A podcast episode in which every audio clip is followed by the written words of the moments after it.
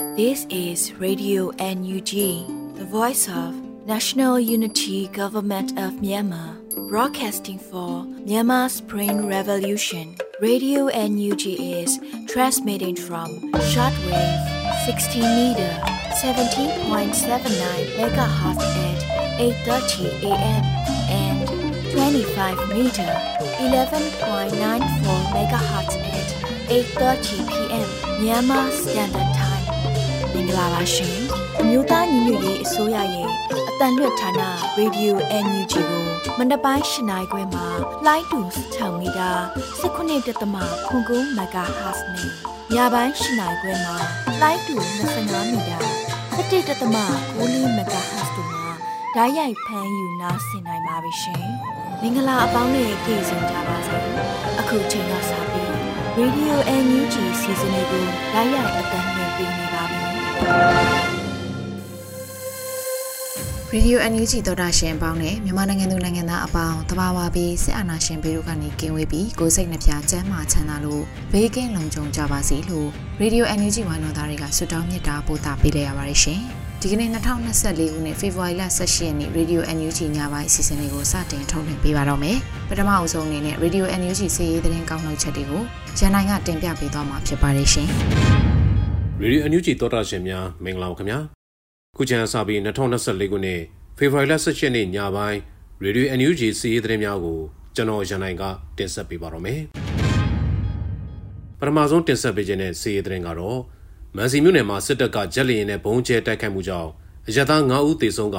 30ကျော်ဒဏ်ရာရသွားတယ်ဆိုတဲ့သတင်းပဲဖြစ်ပါတယ်ကချင်ပြည်နယ်ဗမော်ခရိုင်မန်စီမြို့နယ်မှာအကြမ်းဖက်စစ်တပ်ကဂျက်လီရင်နဲ့လာရောက်ဘုံကျဲတိုက်ခိုက်ခဲ့တာကြောင့် အရသား9ဦးသေဆုံးက30ကျော်ဒဏ်ရာရသွားတယ်လို့စီးရေးသတင်းရင်းမြစ်တွေကပြောပါတယ်။အကြမ်းဖက်စစ်ကောင်စီရဲ့စီကန်းကြီးစခန်းကို KIA, AA နဲ့ KPDF တို့ပူးပေါင်းပြီးဖေဖော်ဝါရီလ18ရက်နေ့မနက်9:00နာရီချိန်ခန့်ကစတင်ပြီးထိုးစစ်ဆင်တိုက်ခတ်လျက်ရှိရမှာ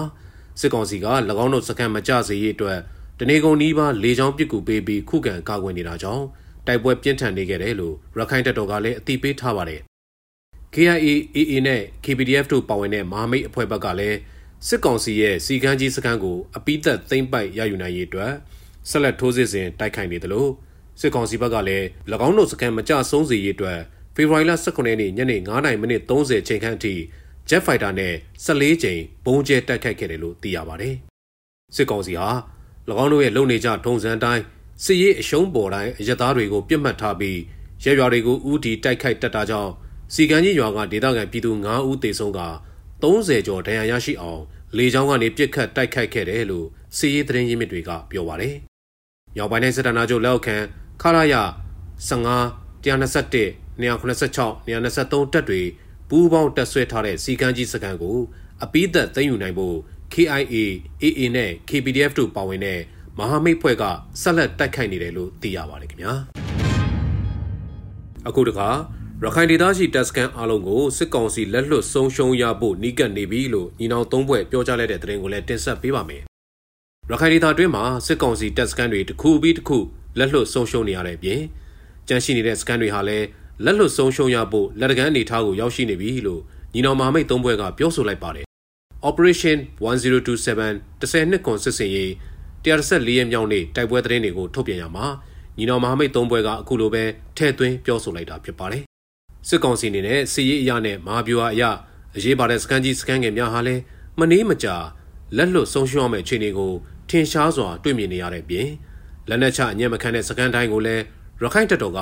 ဆက်လက်ထိုးစစ်ဆင်တိုက်ခိုက်နေတာကြောင့်ရခိုင်ဒေသတွင်းမှာတိုက်ပွဲတွေဆက်လက်ပြင်းထန်နေတယ်လို့ဆိုပါတယ်ဒီဘက်နဲ့ထဲမှာပဲခုခံစစ်ကိုတဆင်ချင်းတဆင်ချင်းပြင်ဆင်နေတဲ့စစ်ကောင်စီဟာရခိုင်တပ်တော်ကတပ်ဖွဲ့ဝင်တွေကုန်းလန်းကနေအလွယ်တကူဝင်ရောက်လာနိုင်ခြင်းမရှိစေဖို့နဲ့ အခြားရည်ရွယ်ချက်တွေကိုကောင်းထည်ဖော်နိုင်ဖို့တရားတွေကိုဖောက်ခွဲဖျက်ဆီးတဲ့လုပ်ရက်တွေကိုရခိုင်ပြည်နယ်မှာသာမကရှမ်းမြောက်ဒေသနဲ့အခြားသောနေရာများမှာပါကတ်စိတ်စိတ်လှုံ့ဆော်လာခဲ့တယ်လို့လည်းပြောပါတယ်။ဒါဟာစစ်ကောင်စီအနေနဲ့မြန်မာနိုင်ငံအနှံ့၎င်းတို့နဲ့ဖြစ်ပွားနေတဲ့စစ်ပွဲတိုင်းမှာရှုံးနေနေတာကိုပေါ်လွင်စေတယ်လို့ညီနောင်သုံးဘွဲကအတိပေးပြောဆိုလိုက်ပါတယ်။ဒါပြင်ရခိုင်တပ်တော် AA အနေနဲ့ရခိုင်တပ်တော်လှုပ်ရှားနေတဲ့ရခိုင်ပြည်နယ်ပြင်ပနေရာတစ်ခုဖြစ်တဲ့ကချင်ပြည်ဗမော်ခရိုင်မန်စီမြို့နယ်မှာလည်း မဟာမိတ်ဖြစ်တဲ့ KIA နဲ့ပူးပေါင်းပြီးအကြမ်းဖက်စစ်ကောင်စီရဲ့စီကန်းကြီးစခန်းကိုလည်းဖေဖော်ဝါရီလ18ရက်မနက်ပိုင်းကစပြီးထိုးစစ်ဆင်တိုက်ခိုက်နေတယ်လို့အသိပေးထားပါတယ်ရခိုင်ဒေသတွင်းတိုက်ပွဲတွေကိုထုတ်ပြန်ရမှာတော့ရသေးတောင်မြို့မြောက်ဘက်ခနောင်းကြီးကျေးရွာနီဝန်းကျင်မှာ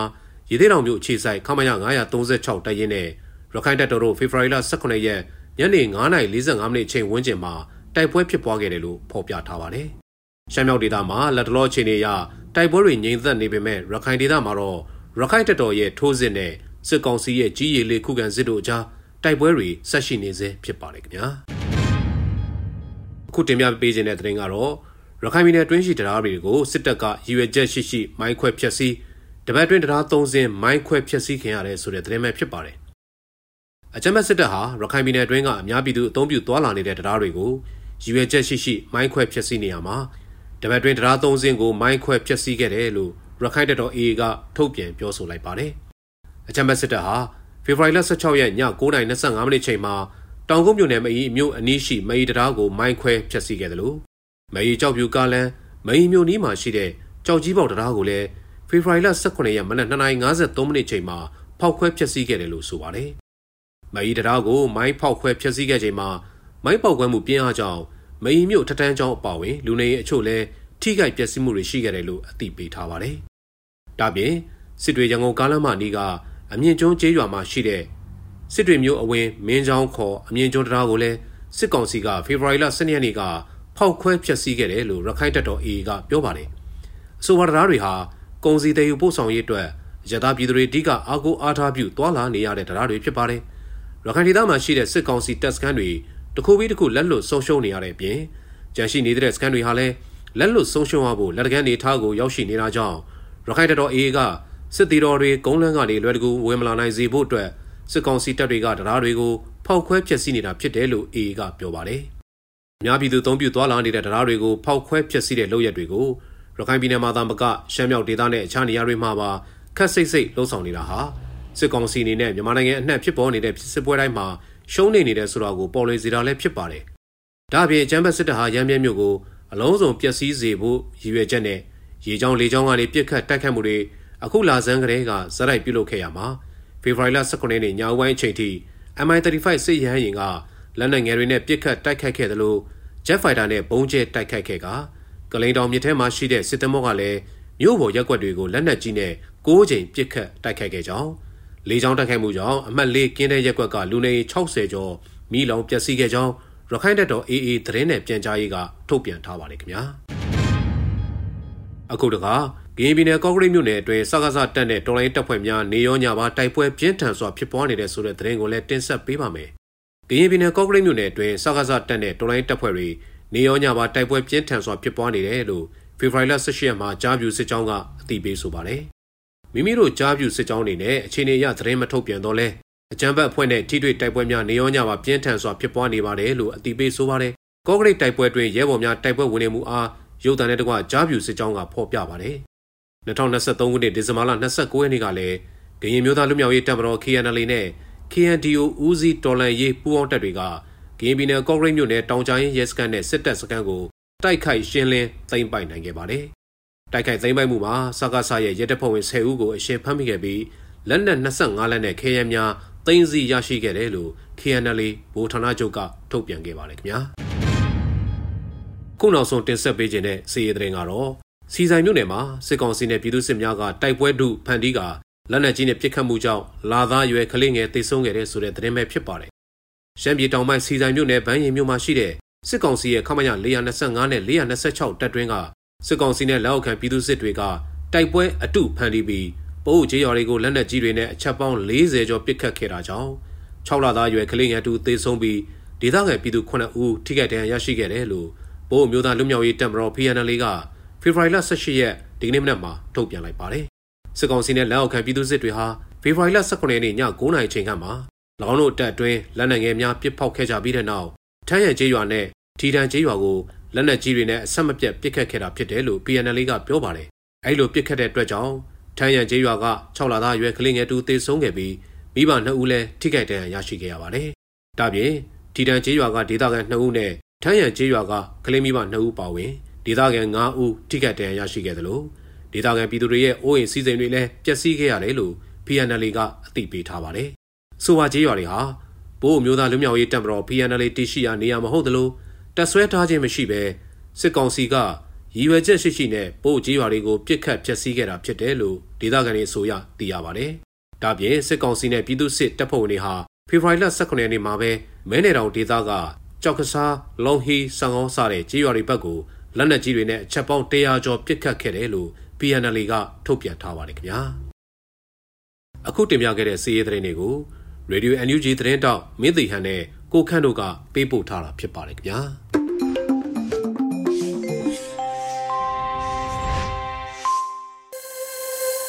အခုဆက်လက်ပြီးပြည်တွင်းသတင်းတွေကိုနားဆင်ကြရမှာဖြစ်ပါတယ်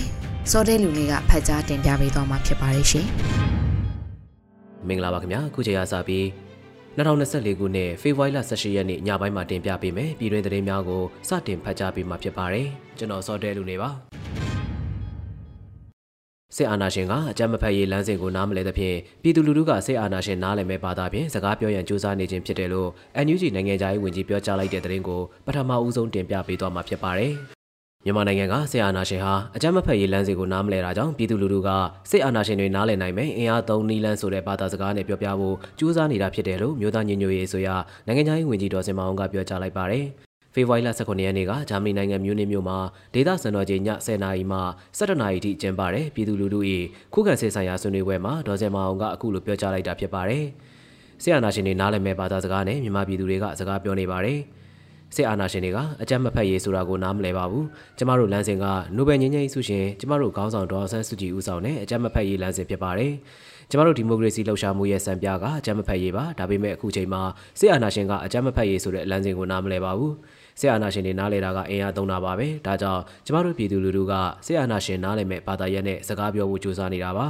ကျမတို့ဒေါ်လာရေးကဆက်အာနာရှင်ကိုဖြိုချဖို့ smart power ဖြစ်တဲ့လက်ရုံးရည်နှလုံးရည်ပူပေါင်းပြသထားတဲ့ဒေါ်လာရေးဖြစ်ပါတယ်လို့၎င်းကရှင်းပြထားပါတယ်။ ဒါအပြင်အာဏာရှင်နိုင်ငံတွေအချင်းချင်းညီညွတ်ရိုင်းပင်းနေချိန်မှာဒီမိုကရက်တစ်နိုင်ငံတွေကမညီညွတ်ကြကြောင်းနဲ့အာဏာရှင်နိုင်ငံများကိုဖြိုချရန်ဒီမိုကရက်တစ်နိုင်ငံများညီညွတ်ရန်နဲ့တသန်းနဲ့ထွက်ဆိုရန်လိုကြောင်းဒေါ်စင်မအောင်ကတိုက်တွန်းပြောဆိုထားပါတယ်။ကမ္ဘာကိုပြောချင်တာကကျမတို့နိုင်ငံနဲ့ဒေသတွင်းမှာစစ်အာဏာရှင်တွေနဲ့အပေါင်းပါတွေရန်တရားတွေဖြိုချဖို့ဒီမိုကရက်တစ်နိုင်ငံတွေကစုပေါင်းညီညွတ်ကြဖို့လိုပါတယ်။အခြားအာဏာရှင်တွေလိုပါပဲမြန်မာနိုင်ငံမှာစစ်အာဏာရှင်တွေကရုရှား၊ဘယ်လာရုစ်၊အီရန်တို့နဲ့အရန်နှီးခဲ့ကြပါတယ်။ အာဏာရှင်ချင်းချင်းကူညီကြတယ်ဒါပေမဲ့ဒီမိုကရက်တစ်နိုင်ငံတွေကအာဏာရှင်တွေကိုပြန်တိုက်ဖို့မညီညွတ်ကြပါဘူးဒီမိုကရက်တစ်နိုင်ငံတွေညီညွတ်ဖို့လိုပါတယ်တသက်နဲ့ဖြစ်ဖို့လိုအပ်ပါတယ်လို့ NUG နိုင်ငံသားရေးဝန်ကြီးကတိုက်တွန်းပြောဆိုလိုက်ပါတယ်ဂျာမနီနိုင်ငံမြူနစ်မြို့မှာ၃ရက်ကြာကျင်းပတဲ့လုံခြုံရေးညီလာခံဒုတိယနေ့ရဲ့နောက်ဆုံးစီစဉ်မှာအမေရိကန်နိုင်ငံသားရေးဝန်ကြီးဟောင်းဟဲလာရီကလင်တန်အန်ယူဂျီနိုင်ငံသားရေးဝန်ကြီးဒေါ်စင်မအောင်ဘယ်လာရုစ်နိုင်ငံသူတိုက်ခန်ကောင်းဆောင် 2021ငြိမ်းချမ်းရေးနိုဘယ်ဆုရှင်ဖိလစ်ပိုင်နိုင်ငံသူသတင်းစာဆရာမှာ World Liberty Congress ဥက္ကဋ္ဌအီရန်နိုင်ငံဘွားအမေရိကန်နိုင်ငံသူသတင်းစာဆရာတို့ဟာတက်ရောက်ဆွေးနွေးခဲ့ကြတယ်လို့သိရှိရပါတယ်ခင်ဗျာ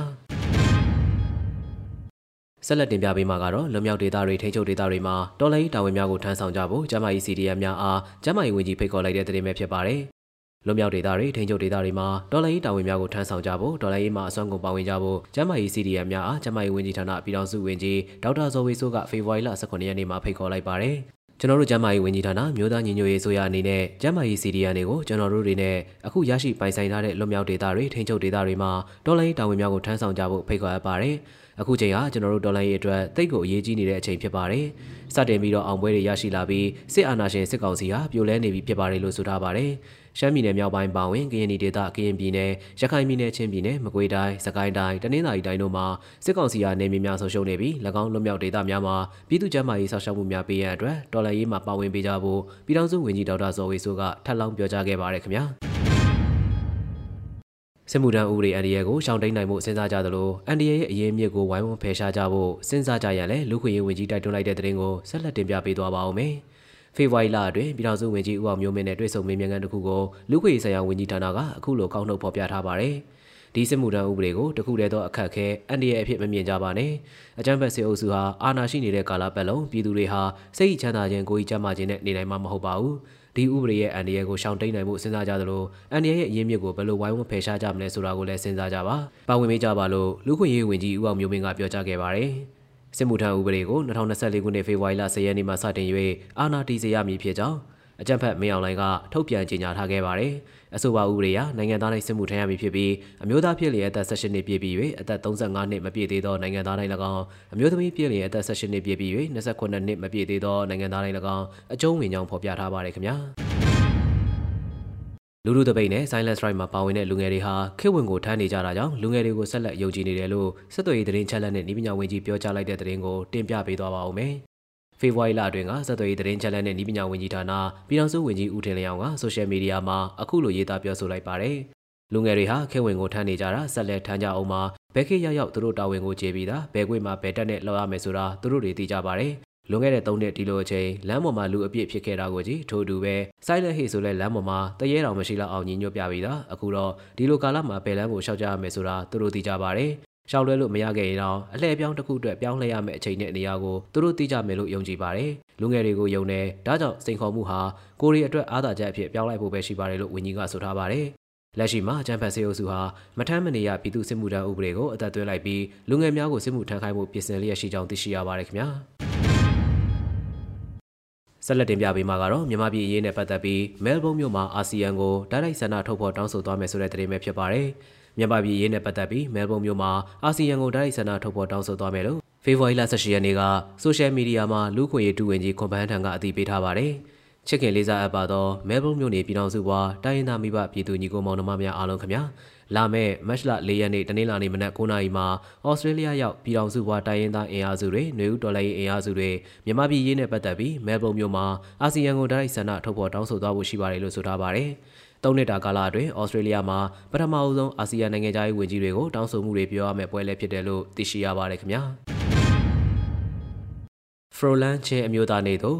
NUG နော်ဝေကိုယ်စားလှယ်တက်ရောက်ခဲ့တဲ့တဲ့ရင်ကိုဆက်လက်တင်ပြပေးသွားပါဦးမယ်။ နော်ဝေနိုင်ငံဖရိုလန်မှာကျင်းပတဲ့ချင်းမျိုးသားနေသို့ NUG နော်ဝေကိုယ်စားလှယ်ဦးမောင်မြင့်တက်ရောက်ခဲ့တယ်လို့ NUG နော်ဝေကိုယ်စားလှယ်ရုံးကဖေဖော်ဝါရီလ18ရက်နေ့မှာထုတ်ပြန်ထားပါတယ်။ဖေဖော်ဝါရီလ19ရက်နေ့မှာ NUG နော်ဝေကိုယ်စားလှယ်ဦးမောင်မြင့်မှဖရိုလန်ချင်းမျိုးသားနေသို့တက်ရောက်ဂုဏ်ပြုစကားပြောကြားပေးခဲ့တယ်လို့ဆိုထားပါတယ်။လက်ရှိຫນွေဦးဒေါ်လာရေးမှာပြည်တွင်းပြည်ပမှချင်းမျိုးသားများဟာလူဝင်အားငွေဝင်အားပါဝင်ရုံတွေမှာကဒေါ်လာရေးကိုအပြည့်အဝထောက်ခံလိုက်ပါလျက်ရှိကြောင်းသိရှိရပါတယ်ခင်ဗျာ။ ရှမ်းပြည်နယ်အထူးဒေသတင်မှာအလုံသမားဝန်ဆောင်မှုကုမ္ပဏီများတည်ထောင်ခွင့်ပြုတရှိုနှင့်ရန်သူအေဂျင့်များမပါဝင်လာစေရေးကြိုတင်ကာကွယ်ရန်စစ်အုပ်ချုပ်မှုကော်မတီမှတတိပေးလိုက်တဲ့သတင်းကိုဆက်လက်တင်ပြပေးသွားပါဦးမယ်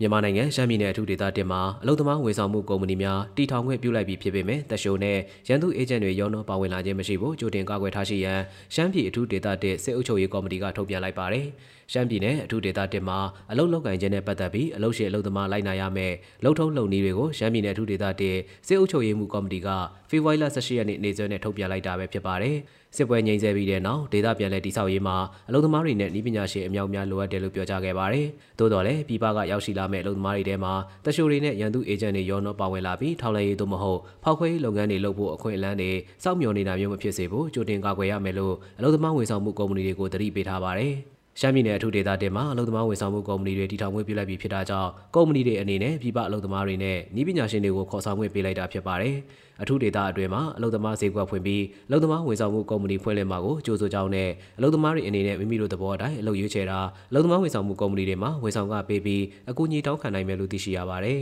။လုပ်ငန်းရှင်တွေအနေနဲ့မိမိတို့သဘောအတိုင်းအလုပ်သမားတွေကိုခေါ်ယူနိုင်ပေမဲ့ရန်သူတရှိုးတွေပါဝင်လာမယ်ဆိုရင်ကုမ္ပဏီဒါမှမဟုတ်အလုပ်ရှင်ကိုအရေးယူမယ်လို့အသိပေးထားပါတယ်။ ဒါအပြင်လှုပ်ရှင်တွေအနေနဲ့အလုပ်သမားတွေကိုအာဓမစေခိုင်းတာအလုပ်သမားတွေရဲ့ဆန္ဒနဲ့မကိုက်ညီတဲ့အလုပ်တွေကိုစေခိုင်းတာနဲ့ကလေးအလုပ်သမားတွေမလုပ်ဖို့တားမြစ်ထားပြီးတွေ့ရှိခဲ့ရင်ပြင်းပြင်းထန်ထန်အရေးယူမယ်လို့လည်းထုတ်ပြန်ချက်မှာဖော်ပြထားပါတယ်။အလုပ်ရှင်နဲ့အလုပ်သမားကြားမိမိတို့ဆန္ဒအလျောက်လုပ်ငန်းပုံစံနဲ့လစာစံနှုန်းတွေကိုဆုံးဖြတ်နိုင်ပေမဲ့လုပ်ငန်းခွင်ဆိုင်ရာအငင်းပွားမှုတွေဖြစ်လာရင်သက်ဆိုင်ရာဥပဒေဌာနမှတရားစွဲနိုင်တယ်လို့အလုပ်သမားဝန်ဆောင်မှုကုမ္ပဏီတွေထံမှလည်းအကူအညီတောင်းခံပြီးညှိနှိုင်းဖြေရှင်းနိုင်တယ်လို့သိရှိရပါတယ်။အလုပ်သမားတွေအနေနဲ့အလုပ်လုပ်ခွင့်အတွက်အထူးဒေသရဲတပ်ဖွဲ့ထံမှလုပ်ငန်းကတ်လျှောက်ထားမှာဖြစ်ပြီးဒီကတ်နဲ့ဒေသအတွင်းမှာခိတိုက်နေထိုင်ခွင့်ရရှိပေမဲ့ရက်ွက်ကျော်ပြီးနေထိုင်ခွင့်မရှိဘူးလို့သတ်မှတ်ထားပါတယ်ခင်ဗျာ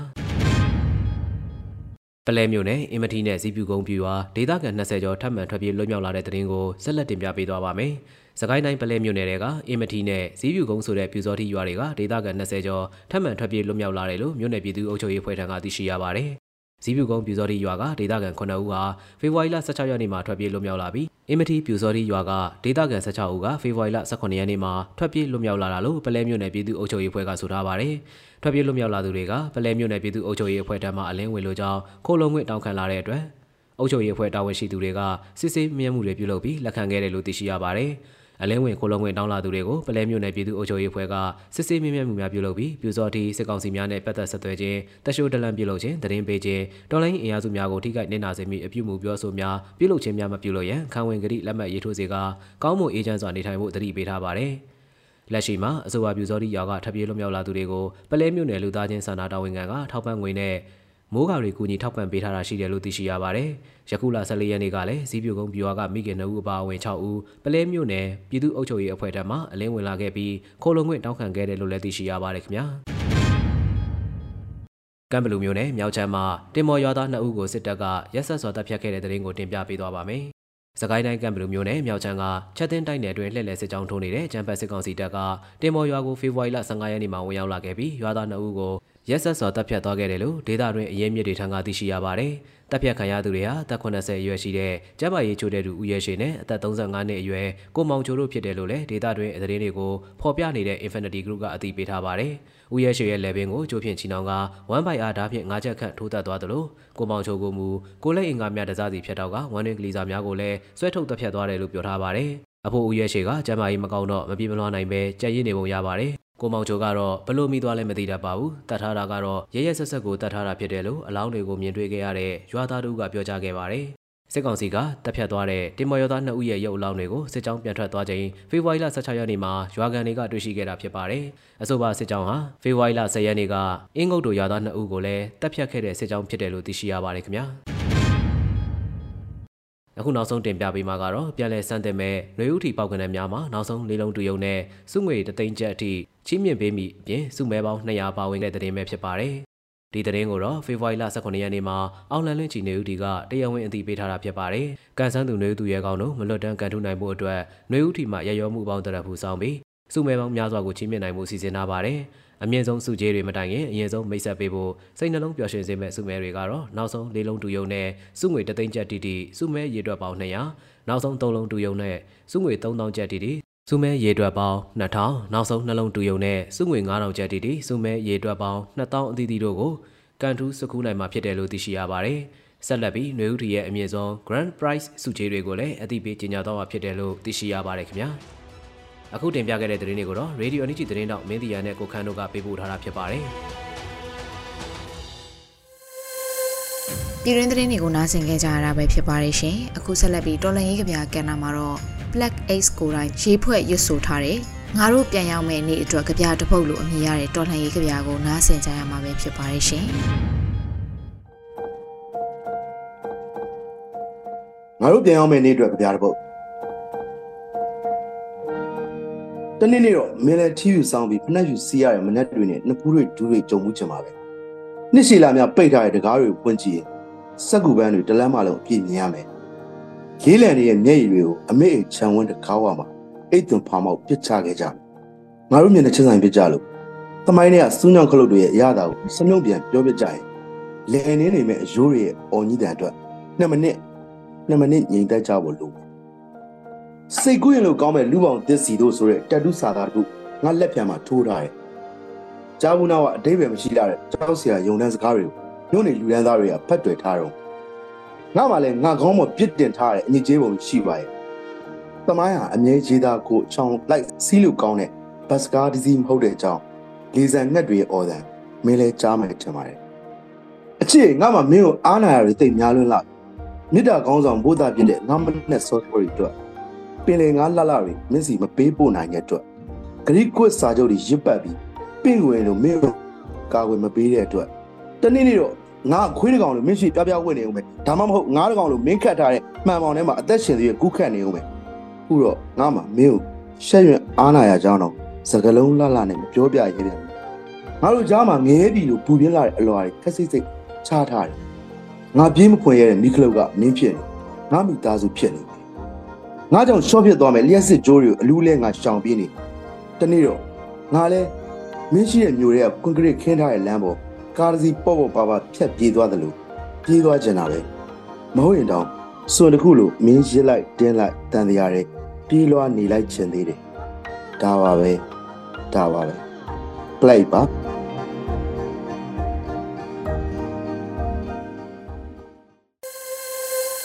ရေဒီယို NUG မှာဆက်လက်အသံလွှင့်နေပါတယ်။သောတာရှင်များရှင်ဒီနေ့ညအတွက်သတင်းနဲ့အတူလူလူစကားသံအစီအစဉ်မှာတော့ထိုင်းနိုင်ငံကိုတရားဝင်လမ်းကြောင်းကနေထွက်ခွာသူဦးရေရုတ်တရက်မြင့်တက်လာပြီးထိုင်းဗီဇာထုတ်ပေးရေးအစီအစဉ်တွေပြောင်းလဲဆောင်ရွက်နေတဲ့သတင်းအကြောင်းအရာကိုຫນွေဦးလီဘီကတင်ဆက်ပေးထားပါတယ်ရှင်။မင်္ဂလာပါရှင်ရေဒီယို NUG သောတာရှင်များရှင်အခုဆက်လက်ပြီးနားဆင်ကြရမှာကတော့သတင်းနဲ့အတူလူလူစကားသံအစီအစဉ်ဖြစ်ပါတယ်။ ထိုင်းနိုင်ငံကိုတရားဝင်လမ်းကြောင်းကနေထွက်ခွာသူဥယေရုတ်တရက်မြင့်တက်လာပြီးဗီဇာထုတ်ပေးရေးအစီအစဉ်များကိုပြောင်းလဲဆောင်ရွက်ပေးလာပါတယ်။ဒီသတင်းကိုကိုမြင့်သူကပေးပို့ထားပါတယ်ရှင်။အကြံဖက်စစ်တပ်ကစစ်မှုမထမ်းမနေရစနစ်ကိုအသက်သွင်းဖို့ကြိုးစားလာပြီးတဲ့နောက်ထိုင်းနိုင်ငံကိုတရားဝင်ထွက်ခွာဖို့အတွက်ဗီဇာလျှောက်ထားသူဥယေရုတ်တရက်မြင့်တက်လာတာပဲဖြစ်ပါတယ်။ထိုင်းနိုင်ငံကိုဝင်ခွင့်ရဖို့အတွက်မနက်3နာရီကလေးက ထိုင်းတန်ယုံရှိမှတန်းစီစောင့်ဆိုင်ခဲ့ကြပြီးဒီအခြေအနေကိုဗီဇာလျှောက်ထားသူကအခုလိုပြောပါတယ်အလုပ်ကြတော့ပြည်ပဖက်တော့ပြီးကြနေကြတော့ပတ်သက်ဆိုပြီးဝင်နေအလေးနဲ့တွားပြီးတော့မှဒီရာဗီဇာရာဇူကလေးရဲ့ဗီဇာကို free နဲ့မဟုတ်ဘူးကလေးရဲ့ဗီဇာနဲ့ဒီအလေးပြီးတော့ပြီးတော့ပြောပြတော့မှအာဗီဇာ ပြန်တက်တန်းတို့အလုံးမျိုးသွားကြတယ်ရန်ကုန်မြို့ကထိုင်းတန်ယုံကတော့ရုတ်တရက်ဗီဇာလျှောက်ထားမှုမြင့်တက်လာတဲ့အတွက်တရက်ကိုလူ400စာဗီဇာလျှောက်ထားခွင့်ပြုခဲ့ပြီး3ရက်စာလူပေါင်း1200အတွက်တိုကင်တွေကိုကြိုတင်ဝေငှခဲ့ပါတယ်ဗီဇာလာရောက်လျှောက်ထားသူလူဒန်းကြီးကထိုင်းတန်ယုံရှိရာမနော်ဟရီလန်အပြင်တော်ဝဲလမ်းပေါ်ထိရောက်တဲ့အထိလူဒန်းရှည်ကြီးကိုတွေ့မြင်နိုင်မှာဖြစ်ပါတယ်ဒီခြေတွေကိုတုံကင်လာရောက်တန်းစီသူတူကအခုလိုပြောပါတယ်။ဒီကတော့ဆိုကြလာတူးဒီ တဲ့တော့စီကြတယ်ဒီလိုမျိုးကြီးဟိုတော့ပြီးတော့ဘူးဘာပဲပြောင်းဒီလိုဟာတော့ကမယ်ဒီကမင်းနာတော့ဘာတော့ရှိရတော့ပူရတော့ဒီအင်းမပုံတော့အဲ့လိုချာပါမယ်တော့ဒီအကြံဖက်စစ်တပ်ကအာဏာသိမ်းပြီးတဲ့နောက်ပိုင်းထိုင်းမြန်မာနယ်စပ်တလျှောက်စစ်ရှောင်လူဦးရေများပြားလာသလိုအာဏာသိမ်းမှုကိုစန့်ကျင်ခဲ့ကြတဲ့မြန်မာပြည်သူတွေကိုဖမ်းဆီးနှိပ်စက်တာတွေပြုလုပ်လာတဲ့အတွက် မြန်မာပညာတတ်အများစုကလည်းနေရက်ကိုစွန့်ခွာခဲ့ကြပြီးထိုင်းနိုင်ငံကိုထွက်ပြေးလာကြပါတယ်။အဲဒီနောက်မှာတော့ဖမ်းဆီးနှိပ်စက်ခံရမဲ့ဘေးမရှိပေမဲ့မြန်မာနိုင်ငံရဲ့စစ်မှုထမ်းဥပဒေအပြင်အထွေထွေအကြက်တဲတွေကြောင့်အခုလိုနိုင်ငံတွင်းကနေတရားဝင်ထွက်ခွာနိုင်ဖို့စ조사လာကြတာဖြစ်ပါတယ်။အခုတင်ပြပေးခဲ့တဲ့မြေပြင်သတင်းအကြောင်းအရာတွေကိုတော့သတင်းတော့ကိုမြင့်သူကပေးပို့လာတာဖြစ်ပါတယ်ရှင်။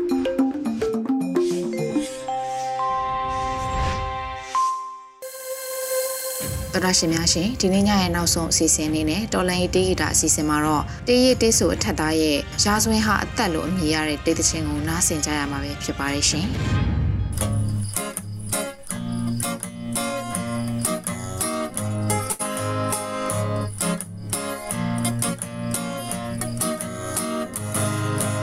ခေဆက်ဆက်ဝိညာဉ်တွေတမိုင်းရေးသည် generation Z တွေအရဲ့ရင်ပြီး 2021ရေတော်ဘုံထွန်းတောက်ခဲ့ဒီတမိုင်းတရေဘူးတော်လှန်မည်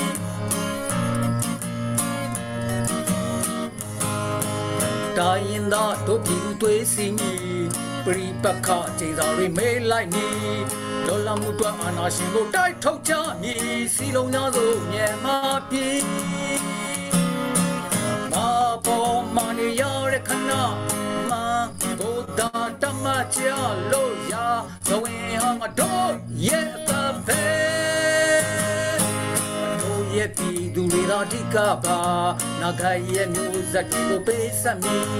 တွေမပြတ်နဲ့ရှေ့ဆက်လို့တကိုပေးမိတရားတော်စင်နိုင်ကိုနိုင်ရမည် Hey! ခေဆက်ဆက်ဝိညာဉ်လေးသမိုင်းရေးသည် generation Z တွေဖာရဲ့ရင်ပြီး2021ရေတော်ကိုထွန်းတောက်ခဲ့ပြီးသမိုင်းတင်ရေးဖို့တော်လန်မည်ဘာပေါ်မနေရတဲ့ခဏအမှန်ကိုသာတမချလို့ရတော့ဝင်ဟန်တော့ရဲ့အသက်ပဲဒီ ကနေ့ကတော့ဒီညနေပဲ Radio NUG ရဲ့အစီအစဉ်လေးကိုခေတ္တရ延လိုက်ပါမယ်ရှင်မြန်မာစံတော်ချိန်မနေ့၈နိုင်ခွဲနဲ့ည၈နိုင်ခွဲအချိန်တွေမှာပြောင်းလဲဆိုပြကြပါလို့ရှင် Radio NUG ကိုမနေ့ပိုင်း၈နိုင်ခွဲမှာလိုင်းတူ16မီတာ19.7 MHz နဲ့ညပိုင်း၈နိုင်ခွဲမှာလိုင်းတူ25မီတာ17.6 MHz တို့မှာ